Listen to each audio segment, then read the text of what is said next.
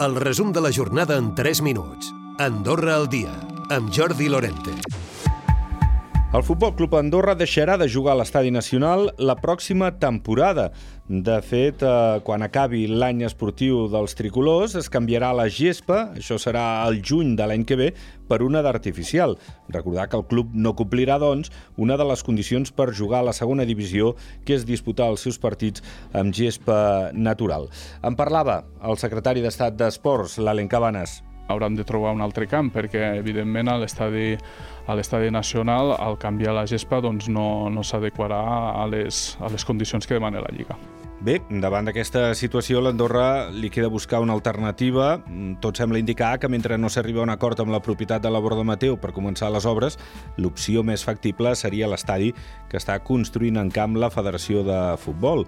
Fons del Club Tricolor han confirmat que la instal·lació en Campadana és una possibilitat, però des de la federació s'assegura que l'Andorra no s'hi ha posat en contacte. Amb tot això, des de la Federació de Rugby es mostren satisfets perquè han aconseguit que aquest acord de dos anys s'acabi complint. En parlava Felip Gallardo, directiu d'aquesta federació. Eh, quan, vam, quan vam tenir la reunió amb el cap de govern, eh, ens va dir que s'acabava el juny del 2024 i va dir és això el que està escrit i això el complirem. Per nosaltres, casa nostra és l'estadi nacional.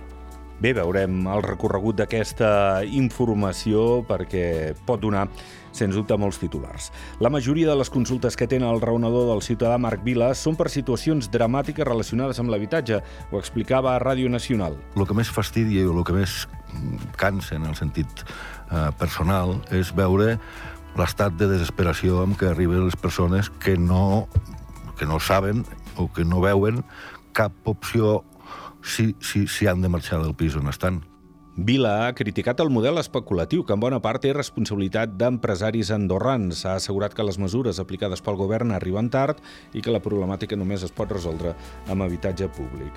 I l'estat dels blocs i un terra especialment fràgil podrien haver ajudat que els treballs de l'antic aparcament Giberga hagin obert les esquerdes dels edificis de l'Avinguda Santa Coloma. En parla un enginyer, és l'Adrià Santes. L'equilibri dintre una ciutat on tens serveis, estructures, fonamentacions antigues, eh, és, és un equilibri molt sensible. Hi ha defectes en la construcció, hi ha defectes en, en xarxes de, de serveis que poden estar, que poden tindre una fuita d'aigua.